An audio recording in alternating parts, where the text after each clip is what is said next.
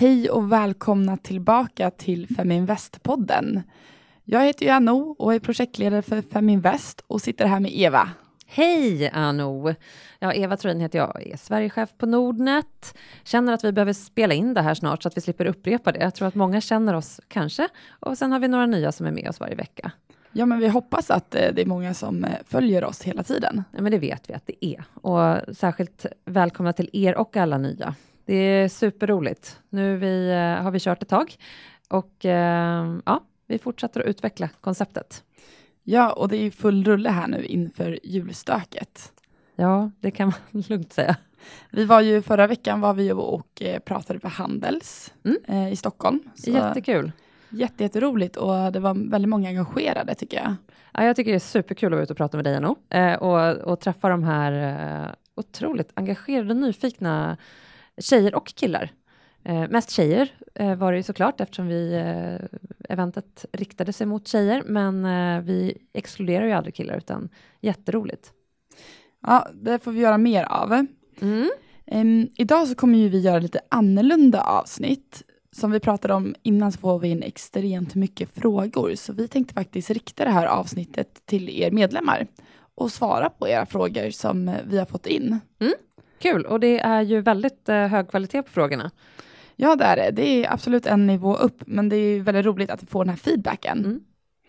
Så jag tänker att eh, vi kör igång. Ja. Då har vi en person här som eh, har en buy and hold-strategi mm. och har kört på den.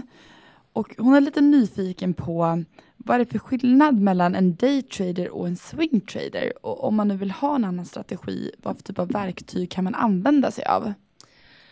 Ja, eh, och det här får man ju liksom ta lite erfarenhet och lyssna med andra kollegor kan jag säga, för att jag själv håller inte på med daytrading eller swingtrading på något sätt. Eh, men om man tittar på eh, daytrading så är det ju egentligen som det låter lite grann, att du handlar under dagen. Ofta, en daytrader stänger ju ofta sina positioner över natten, eh, utan att man kör eh, intradag, man handlar under dagen. Kortsiktig handel, kort och gott. Eh, söker eh, avkastning i kortsiktiga rörelser. Om man tittar på swing trading så är det också kortsiktig handel eh, eftersom hon själv då i det här fallet handlar buy and hold så är det ju en mycket mer kortsiktig handel om man pratar swing trading men, men den är då, där kan du dock li ligga overnight. Du kan liksom prata två till tio dagar eller två veckor men det är fortfarande väldigt kort sikt men, men lite längre då än en, en daytrader. Och eh, ja, vad kan man mer säga, swing trader, man brukar ju prata om, man tittar på undervärderad, eh, under, undervärderade tillgångar eh, och försöker köpa dem till ett lågt pris och sälja dem högre under en kort tid. Och dagens gäst kommer ju vara en relativt ung daytrader slash swingtrader, så ja. det blir spännande att höra på hennes tips också, så får ni lite mer kött på benen på hur, ser, hur en dag ser ut för henne. Ja, det är jätte, jätte, ska bli väldigt spännande att höra och eh, vi har ju också, vi har ju faktiskt eh, eh Eh, väldigt många daytraders på Nordnet också, så att jag, eh, jag träffar ju dem då och då och eh, får vara med lite i deras vardag eftersom de, vi har ett kontor där de sitter och faktiskt jobbar heltid med det här. För det är faktiskt en, en daytrader är ju ofta så att de faktiskt lever på, på just handeln också, att det blir deras inkomst. Ja, och vi har väldigt många avsnitt där vi faktiskt träffar daytraders mm. i Feminvest-podden. Bland annat Anna Svan har ju varit med och mm. Patricia Hjärtner. Vi hade även Tobbe Rosén. Han är ju extremt eh, noggrann hur han gör sina analyser. Så det finns eh, att lyssna på om man är mer intresserad. Mm. Och så finns ju också Sharewill. Ja, eh, och där har vi ju faktiskt, eh, det, det, är faktiskt daytraders som är med på Sharewill. Eh, själv tycker jag att det är lite svårt att hänga med dem, för jag kan säga att det smattrar in rätt mycket ordrar. eh, så det plingar i telefonen hela tiden. Men det är väldigt, väldigt spännande för att få förståelse för hur de agerar under en dag. Så på så sätt så kan det vara eh, spännande att, eh, att följa. Eh, jag tror dock, dock, att det är svårt att hänga på dem fullt ut, för att eh, det går väldigt fort och jag tror som någon, någon skrev, eh, våran, han som går under alias text tv-tradern, han, han sa att oftast om du köper, då köper du av mig. Eh, så tänk på det. De är ju väldigt snabba i sin, sin handel, framförallt när du pratar daytrading. Så att, eh, ska man göra det så tror jag att man ska eh, verkligen göra sin egen, göra det själv och inte kanske följa någon annan. Men man kan få inspiration och tips att titta på, på daytraders på Shareville också. Det, vi fortsätter lite på det här spåret. Mm. Um, Vi har gått in lite på skillnaden mellan daytrader och swingtrader och nu har vi en annan fråga här. De vill veta lite mer konkret hur traders och andra duktiga investerare sätter in sina pengar och tar ut vinsterna för att göra annat kul. Hur, hur sker den själva transaktionen? Ja, jag är inte helt säker på att jag förstår, jag, jag förstår den här frågan fullt ut. Jag vet inte om de tänker som i poker så kan du behöva ha en viss jag, jag, eller jag ska inte kanske relatera till poker, utan vi tar det tillbaka till trading. Att fundera på om de funderar på hur mycket du behöver ha kvar eh, för att kunna plocka ut lön. För det är ju så med trading att viss månad kommer det gå bra, viss månad kommer det inte gå bra. Eh, och hur mycket vågar man då ta ut i lön? För du kan ju faktiskt tappa rätt mycket eh, pengar också. Hur, är det så du tolkar frågan också, Anna? Ja, jag hur? tolkar också när, när tar man ut pengarna och hur mycket pengar ska man ta ut? Ja, för jag skulle säga så här att de flesta eh, trader, ska man starta igång som trader så tror jag att man måste ha ett ganska stort kapital bakom sig så att man kanske ett, ett år i varje fall kan leva på att utan att ta ut lön. Därför att du behöver bygga upp ett kapital och sen måste du också lära dig. Liksom. Tittar vi på de traders som, som vi jobbar med som har jobbat väldigt, väldigt länge de har liksom, de vet, vet, känner sin strategi, de vet hur den fungerar och därför så kan de plocka ut lön, eller ja, det blir ju lön, för det är faktiskt det de lever på varje månad.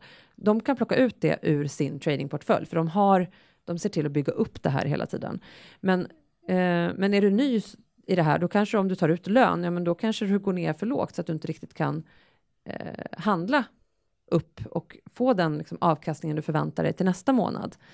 Eh, så det är, lite, det är lite svårt att veta, men, men definitivt så tar de ju ut pengar ur portföljen eh, för att eh, ha som lön. Det, det måste de göra. Och det är som du säger där också att det är inte tusen lappar de håller på med heller när man tradar på Nej. de här nivåerna. Nej, utan det är större pengar. Sen är det ju så att vi har, det finns också, det är så otroligt individuellt, det är därför det inte finns ett riktigt svar på det. Vi har traders som kanske ligger och snurrar hundratusen, eh, men att de har intradagslimiter och lånar upp ganska mycket pengar, eh, så att de verkligen kan om de hittar ett köpläge någon annanstans, kan köpa fler aktier. Så att man måste hitta liksom strategi, men, men, att låna, det är också en väldigt hög risk. Eh, för att om det då går fel, då, då kostar det rätt mycket åt andra hållet och då måste du kunna komma in med kapital. Så det gäller liksom att, att hitta din strategi, se hur den fungerar över tid, eh, för att kunna också se hur mycket du kan plocka ut ur just din tradingportfölj. Eh, annars behöver du ha kapital på sidan av under uppbyggnaden skulle jag säga som du kan leva på. Sen att lägga till så tror jag att många som eh, blir traders och gör det professionellt har handlat väldigt aktivt innan också. Så det är inte så att det är över dem en dag att de bestämmer sig att nu ska jag vara en trader, utan de har nog varit aktiva under en ganska längre period. Ja, det är klart att det finns undantag för det, men så är det ju generellt, att du har haft en, en lång tid med aktiv. Många av dem som, som vi, våra största, de, de har, kommer ju från bolag där de har jobbat jobbat i en roll som trader och kanske sen klivit av och eh, kör eget. Eh, så att då har du ju flera års erfarenhet bakom dig. Så att är man nybörjare så tror jag att se till att ha liksom, tro inte att du kommer kunna plocka ut lön ur din portfölj eh, det närmsta året, utan se till att bygga upp portföljen, eh, förstå hur din strategi fungerar och hur mycket du vågar plocka ut varje månad. Ja, och vi har nästa fråga är hur, vad gör en trader egentligen och behöver en trader följa sina aktier slaviskt? Och där ska man kanske lägga till att traders agerar ju olika. Det finns ju de som lägger sina ordrar innan börsen öppnar och de som väntar den första stökiga timmen och börjar trada efteråt. Så att, eh, det finns ju väldigt, väldigt mycket olika strategier. Så man kan kanske inte ta och generalisera alla traders, utan alla har ju väldigt mycket olika strategier om hur, hur just deras aktier ska gå. Ja, för det är väl det som är själva finessen, att en trader vill ju få avkastning eh, och om du är kortsiktig då så på kortsiktiga rörelser.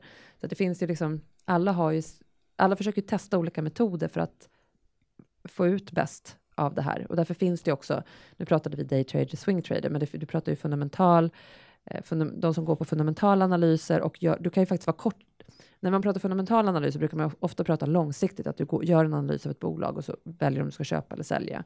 Men det finns också traders som jobbar mycket med fundamental analys. De kanske har, har varit eh, jobbat till exempel inom fastighetsbranschen i många, många år, analys, varit analytiker för det, de bolagen och kanske jobbar på eh, spreadar mellan bolagen och men jobbar med fundamentalt fast kortsiktigt. Och sen har du de som jobbar bara på teknisk analys Ehm, och titta på det. Och som du var inne på, att några handlar precis innan börsen öppnar, några handlar, kanske hoppar över första timmen som är stökig. Några kanske älskar första timmen, för där kan det variera väldigt mycket. Eh, så det är otroligt olika hur man eh, man följer på olika sätt skulle jag säga. Eh, också. För att det, det, här med att följa, följer du slaviskt, eh, det finns inte heller något eh, liksom, svar på det. Ja, och det är också hur mycket aktier man tradar med. Eh, vissa tradar med väldigt få aktier och vissa tradar med mycket fler aktier. Mm. Men jag tror, är man lite nyfiken på det här och haft en buy and hold-strategi, kanske man ska börja med någon aktie. Och där kan man också sätta upp gränser. När köper jag? Jag köper vid den här tidpunkten och jag säljer den här tidpunkten, så att man börjar med att hämta upp eller hämta hem lite mindre vinster. Ja. Det kan ju vara kanske en bra övergång om det här är någonting som är intressant. Ja, men det tror jag också, och, och med en summa som, som, Precis. Som känns eh, hanterbar. Ja. Sen är det ju viktigt att tänka på liksom att man ligger tillbaka till det som vi pratar om ofta, men jag vill bara poängtera det igen, att se till att du ligger på en courtagemodell då, att när du börjar handla som där du inte betalar massa avgifter. För, för trading handlar ju om att du gör många avslut och du får ju faktiskt betala för varje avslut du gör. Så, så um, kolla också hur, du, hur mycket du betalar per avslut, så att inte det blir en... Det kan bli dyrt annars. Det kan bli väldigt dyrt annars. Um, en annan fråga vi har fått in är någon som har lite torka på att hitta inspiration. Ja. Och eh, undrar var upptäcker man nya bolag? Mm. Ja, eh, ja, men här finns det ju många olika sätt och här finns det säkert många som har bättre tips. Du har säkert också några, Anno, men, men eh, för det första så finns det ju massa inspirerande personer som man kan följa som har olika, liksom, som plockar upp olika bolag. Jag, jag använder ju personligen Shareville då, som är vårt sociala nätverk för att titta lite grann och där följer jag några personer som jag vet är duktiga på att sniffa upp eh, bolag som man inte riktigt har hört talas om. Eh, sen så kan det ta ganska lång tid innan jag går in i de här bolagen, men det, för mig så jag vet att de är ganska early adopters och har koll på, på bolag. Eh, så att jag använder mig av dem. Och där får man ju liksom, det blir en egen liten analys som man får göra av vilka personer jag då följer. Så det blir liksom ett steg till. Jag följer en person som sen har koll på aktier. Eh, sen kan du ju titta på, jag menar IPOer, är ju, eh, där får du ju nya bolag och det kommer ju mycket nytt och nu är det ju en otrolig eh, boom har varit hela det här året och egentligen förra året också med att introduceras otroligt mycket nya bolag. Eh, så där kan man ju få inspiration att det kommer nya bolag till börsen och vad är, vad är det för, någon, för några? Um, Ja, och jag ska även säga Feminvest, vi har ju väldigt mycket event med mindre ja, bolag också. Såklart. Så att eh, där får man ju möjligheten faktiskt att uh, träffa bolagen och olika vd och se vad, vad, vad, känner man för vd, vad är det för bolag, faktiskt få lite mer ingående presentation om bolagen, och även möjligheten att uh, ställa frågor till personligen till vdn efteråt. Så det är lite syftet med de här investerarträffarna också som vi håller, att uh, inte bara fokusera på utbildningen men också ge lite mer idéer om vad finns det för bolag där ute? Är det här någonting som skulle passa er? Precis, event är ju ett väldigt bra, jag tror vi har pratat om det förut, men jag tycker ni gör det jättebra, just att man får den här inti, alltså intima, jag säga, men att du faktiskt kan prata med vdn, för att det är ju otroligt intressant, framförallt i bolag som är lite mindre och som ja, ska in på börsen. Så ja. vill man ha lite koll på vilka det är som står bakom och, och att man kan ställa frågor till dem direkt, det är ju en otrolig förmån. Ja, vi har ett event eh, nästa vecka nu den 7 december här med tre olika bolag som kan vara lite spännande. Så det finns på hemsidan om man vill läsa på om de bolagen. Kul! Um, men om man nu ska hitta utvecklingsbolag mm. så finns det ju också, vi har ju listorna som man kan gå in och titta på. Man kan ju titta på Nasdaq, First North, NGM-börsen, Aktietorget. Mm. Och Aktietorget har ju väldigt mycket av de här bolagen som är lite kryddor kan man säga. Det är lite mindre Ja, jag tror så här, vill man den förra frågan var ju så inspiration att upptäcka nya bolag och det här är ju kanske om man vill titta på lite utvecklingsbolag och då skulle jag säga kanske också lite mindre bolag som är i en mer uppstartsfas. Eh, då är det ju ofta de mindre listorna som man hittar dem på. Eh, det är klart att det finns eh, även onoterade bolag eh, kan man titta på. Det är de ni ofta träffar som kanske också är på väg in så småningom. Eh, det tycker jag också är spännande att se vad finns det, för det finns otroligt mycket entreprenörskap i Sverige. Vi har väldigt mycket bra bolag. Sen tycker jag att det kan vara lite spännande också att titta på tal om ut, liksom, i kombination av det här, men vad är det som är intressant just nu? Vad är det som är hett? Jag tänker på årets julklapp faktiskt, VR. Eh, det tycker jag är lite spännande också att börja titta på. Så här, ja, men okej, det är ju otroligt intressant. Vilka bolag är det som jobbar med det här eller distribuerar någonting inom det här? Och där kan man också liksom få lite idéer till till eh, både... Sen kan liksom, priset där vara justerat lite redan. Det är nog många som har tänkt så. Jag tänker mig. Absolut, men jag tänker på om man tittar framåt, vilka tror man, eh, liksom, för tror man på VR framåt? Vilket jag, jag tror på det, jag tror VR kommer bli stort. Eh, så, så, självklart kan priset vara justerat nu, men om man vill bli lite nyfiken på nya bolag och sånt där så kan det vara att, nu, nu behöver inte VR vara det enda, men man kan tänka på att när det händer olika saker så kan befintliga bolag få en annan man kan börja titta på dem med lite andra glasögon. Sen är det som du säger, ofta är det redan inprisat. Sen måste man naturligtvis titta på hur stor del av det här bolaget, om det är ett stort bolag så kanske det är en marginell del och det kommer inte ha påverkan på bolagets vinst överhuvudtaget. Men, men man kan titta på dem från lite olika vinklar när det kommer sådana här nya teknikskiften får man väl ändå säga. Ja, och det här går ihop med nästa fråga som vi har. Hur ska man analysera mindre bolag? Vad är det man ska titta på då? Större bolag kan ju kanske vara lättare att analysera eftersom det finns betydligt mer information. Ja, eh, och det här tror jag vi har pratat om i tidigare avsnitt också. Alltså små bolag, eh, där, det, det, informationsflödet är inte alls lika stort. Så där handlar det ju väldigt mycket om det vi var inne på tidigare, det här att vad är det för personer eh, bakom bolaget? Vad har de för historik? Eh, vad har de för liksom, track record på vad de, vad de har gjort tidigare? Nu pratar vi kanske liksom, väldigt startup eh, i uppstartsskedena, men, men personerna och ledning blir ju betydligt viktigare och styrelse för den delen också eh, i, i de här små bolagen. Eller det är viktigt i stora bolag också, men här har vi ju inte så mycket mer att gå på. Eh, det kanske inte ens finns en börskurs som vi kan, utveck- alltså, som vi kan titta tillbaks på och se hur den har utvecklats. Utan då får man ju titta på vad, de, vad produkten är, vilken marknad de är på, hur ser konkurrensen ut, vilka andra är det som finns på den här marknaden. Man får göra liksom en fundamental analys, mer kanske än en teknisk analys eh, på, på de här lite mer, där vi inte har så mycket teknisk data att gå på.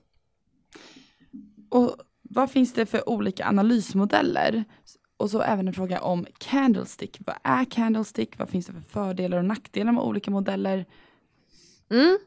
Eh, precis, och det här är ju mer då när vi, eller ja, det finns ju lite olika, men om, om, man kanske fokuserar lite mer på teknisk analys då, för det är där man ofta har de här olika analysmodellerna. Det finns ju också naturligtvis fundamental analys, men eh, teknisk analys eh, finns det flera olika modeller. Jag själv är, använder inte mig av teknisk analys, eh, men eh, vi har ju som sagt eh, många, många bra gäster och tidigare avsnitt om det här.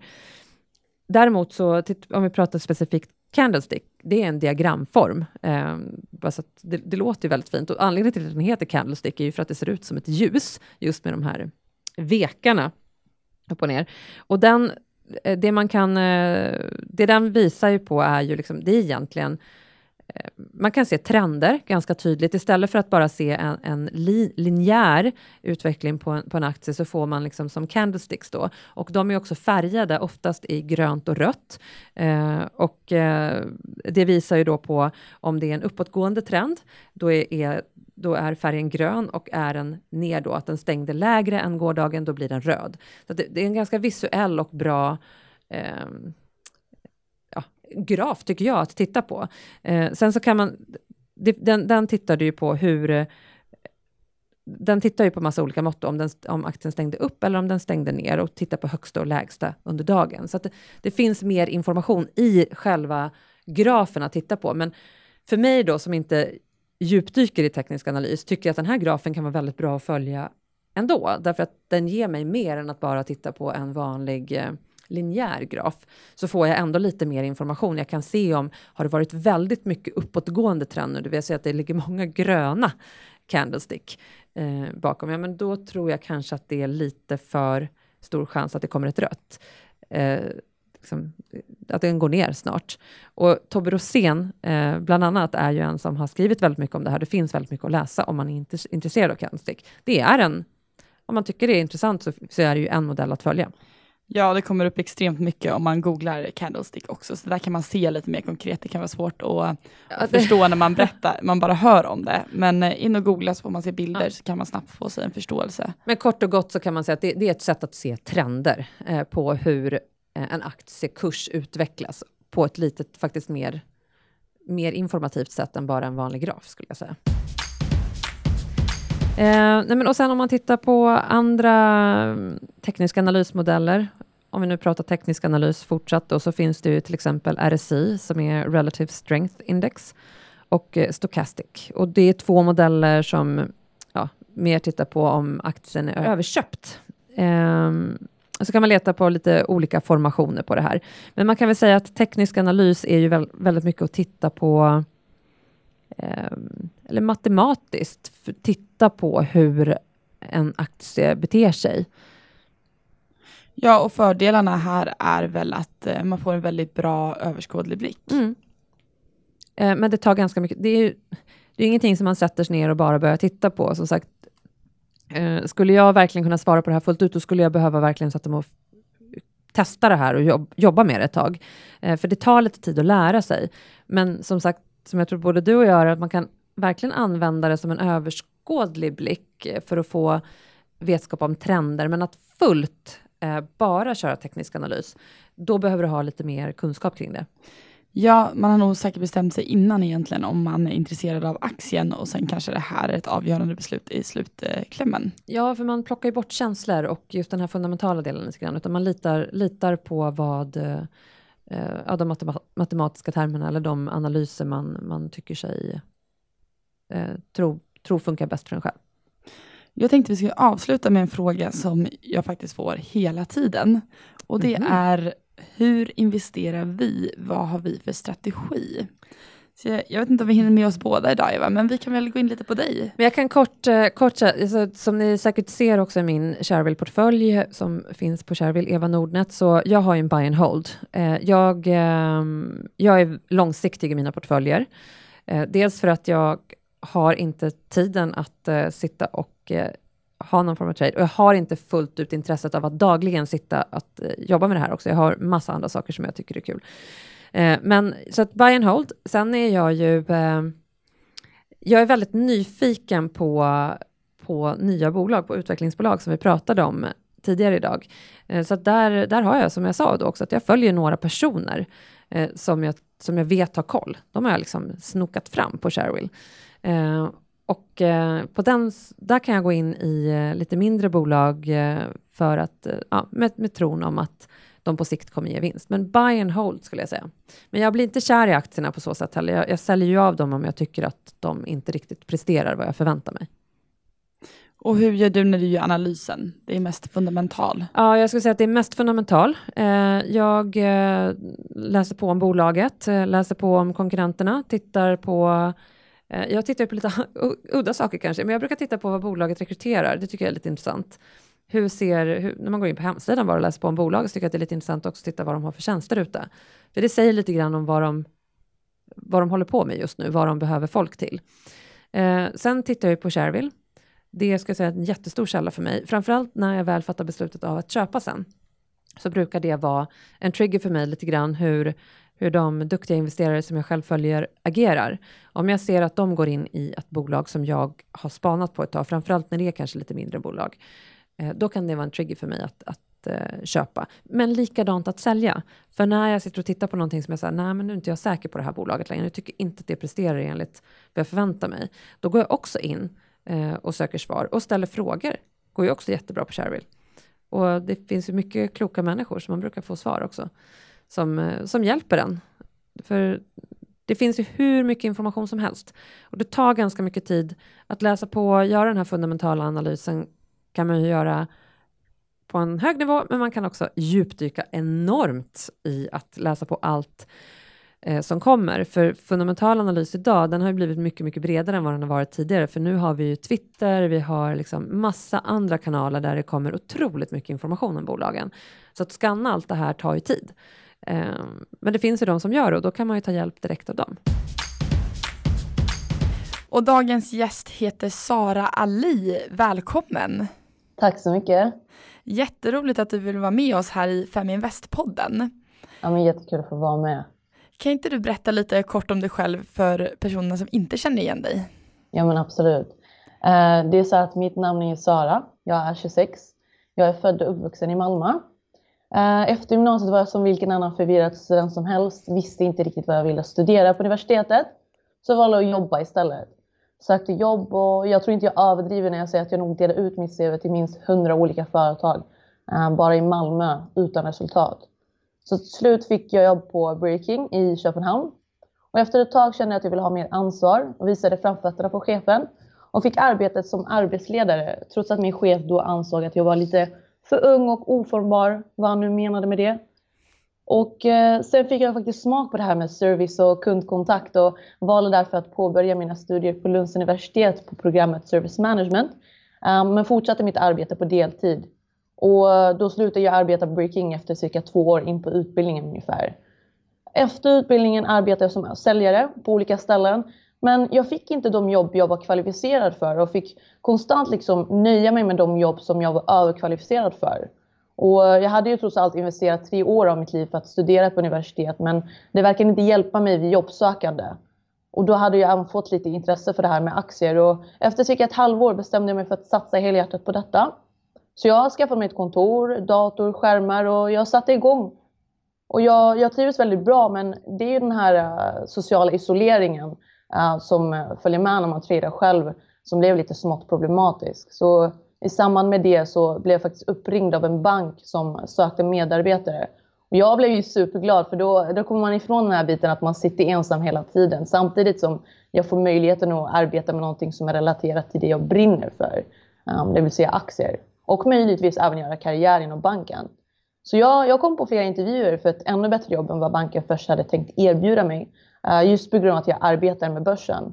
Så jag, jag blev faktiskt väldigt förvånad när jag till slut inte fick jobbet. Och det var ju första gången som jag kände att mitt ursprung um, stod i vägen för min karriär. För jag fick ju inte jobbet fast att jag enligt dem var exceptionellt driven och duktig.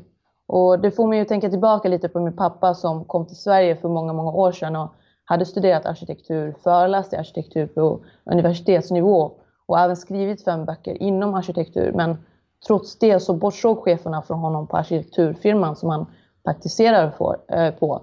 Och eh, de valde då att anställa personal externt istället. Och det får mig ju känna att historien upprepar sig. Och detta har ju triggat mig, detta har ju triggat mig ännu mer till att lyckas med det jag håller på med och verkligen skapa mitt eget arbete. Det är jättetråkigt att eh, det ska behöva vara så, man tänker att det är 2016, så att det ska ju verkligen inte förekomma. Ja, verkligen. Men idag så arbetar ju du som eh, daytrader, swingtrader kanske man kan säga också. Ja. Kan, kan inte du berätta om hur ser en vanlig dag ut för dig? Jo men absolut. Eh, första jag gör på morgonen är att läsa runt lite på olika medier. Uh, läsa olika nyheter och PM. Uh, se om någonting har hänt under nattens gång. Um, sen åker jag iväg till kontoret. Uh, jag sätter igång datorn och då är dagen igång. Uh, första halvtimmen försöker jag avvakta så gott det går. Uh, mycket som rör sig volatilt på morgonen och då är det lätt hänt att man köper ganska dyrt och säljer billigt vilket uh, med andra ord ofta slutar i en förlustaffär. under dagens gång så har jag koll på diverse aktier och även koll på om det dyker upp något bra PM.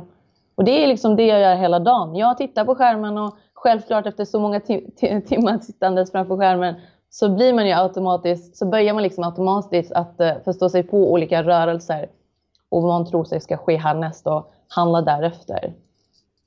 Men hur kommer det sig att du valde att hålla på med trading på heltid?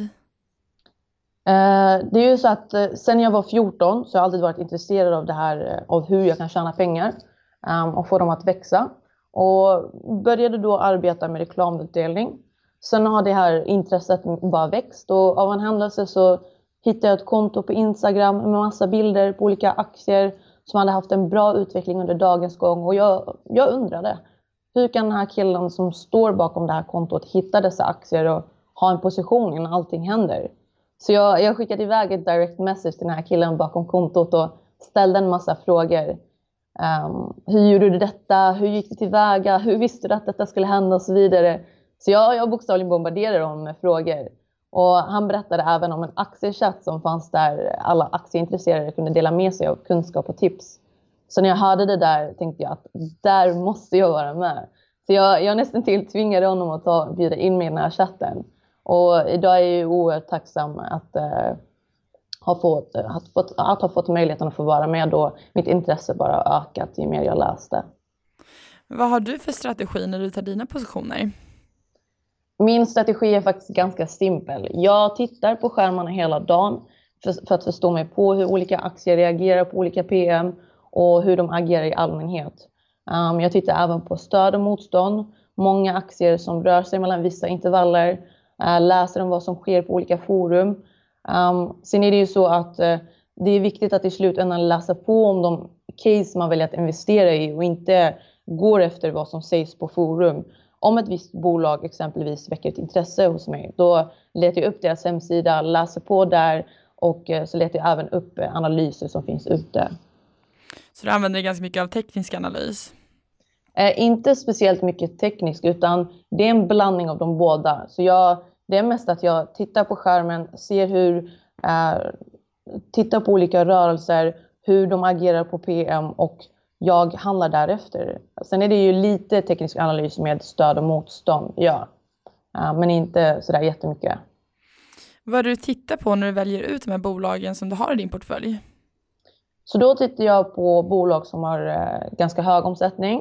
Uh, jag, jag sätter alltid på minnet hur en aktie brukar röra sig vid PM, hur hypad den är, det vill säga talas det mycket om på forum, då vet jag att jag kan vänta mig en ganska kraftig reaktion vid PM. Och ofta så är det ju så att det bästa är att utnyttja den hypen, det vill säga vara med i uppgången vid rykte om PM exempelvis och sedan sälja när aktien når uh, den target som man har satt upp. Um, och uh, det är ju viktigt att inte vara för girig för man kan ju utnyttja den här uppgången och uh, um, inte behöva vänta på PM. Ehm, för det är inte alltid så att det blir som många tror. Um, och sen väntas bolaget komma ut med resultat på studier, så är det alltid bra att ta position i förväg om man tror på positiva resultat. Um, att, om ett bolag väntar på godkännande för särläkemedelsstatus, om man tror att uh, de ska få det så är det bra att ta position innan. Men självklart så är det ju riskfyllt också. Um, detsamma kan man göra med rapport. Tror jag att det blir en bra rapport så tar jag en position i bo bolaget innan rapporten kommer ut. Um, men jag måste även förtydliga att jag handlar huvudsakligen i småbolag så huvudsakligen aktietorget. Så där är risken väldigt, väldigt hög. Och för er lyssnare som inte vet, jag är säker på att många vet det, så PM står ju för pressmeddelanden. Ja. Um, vad, hur många bolag har du ungefär i din portfölj som du tradar med? Uh, I dagsläget så har jag ungefär fem till sju. Och det är för att kunna ha, ha koll på bolagen hela tiden? Ja, precis. Jag vill inte ha alldeles för många, för det är jag, jag måste kunna ha koll eh, på de aktier som jag har, absolut. Och vad har varit din eh, bästa investering hittills? det har faktiskt varit The Marketing Group. Um, den gick upp många procent på väldigt kort tid. Um, tyvärr så tog gidigheten över för min del och jag sålde aldrig på toppen. Men det blev en fin hacka ändå. Vad har du för tips till våra lyssnare? Uh, mitt tips är ju faktiskt att uh, det är att satsa på det du brinner för. Alltså, jag tycker inte man ska vänta. Man ska inte komma med en bortförklaring till varför man inte kan göra det man vill göra och göra liksom idag. Um, det är viktigt att vara disciplinerad, vara självsäker när du tradar och det klyschiga liksom, riskera inte kapital som du inte har råd att förlora. Sen ha en massa, massa tålamod. Så för min del jag hade kunnat ge upp för länge sedan för det, jag, har gått, jag har gjort en massa misstag men jag har valt att inte ge upp. Det gäller att inte ge upp i första taget eller andra eller tionde egentligen. Och som Winston Churchill sa, det, det gäller att gå från misstag till misstag utan att förlora entusiasmen. Tack så jättemycket för att du var med oss och gästade Fem Invest-podden. Tack själv, jättekul att få vara med. Och kom ihåg nu, more women equals more money. More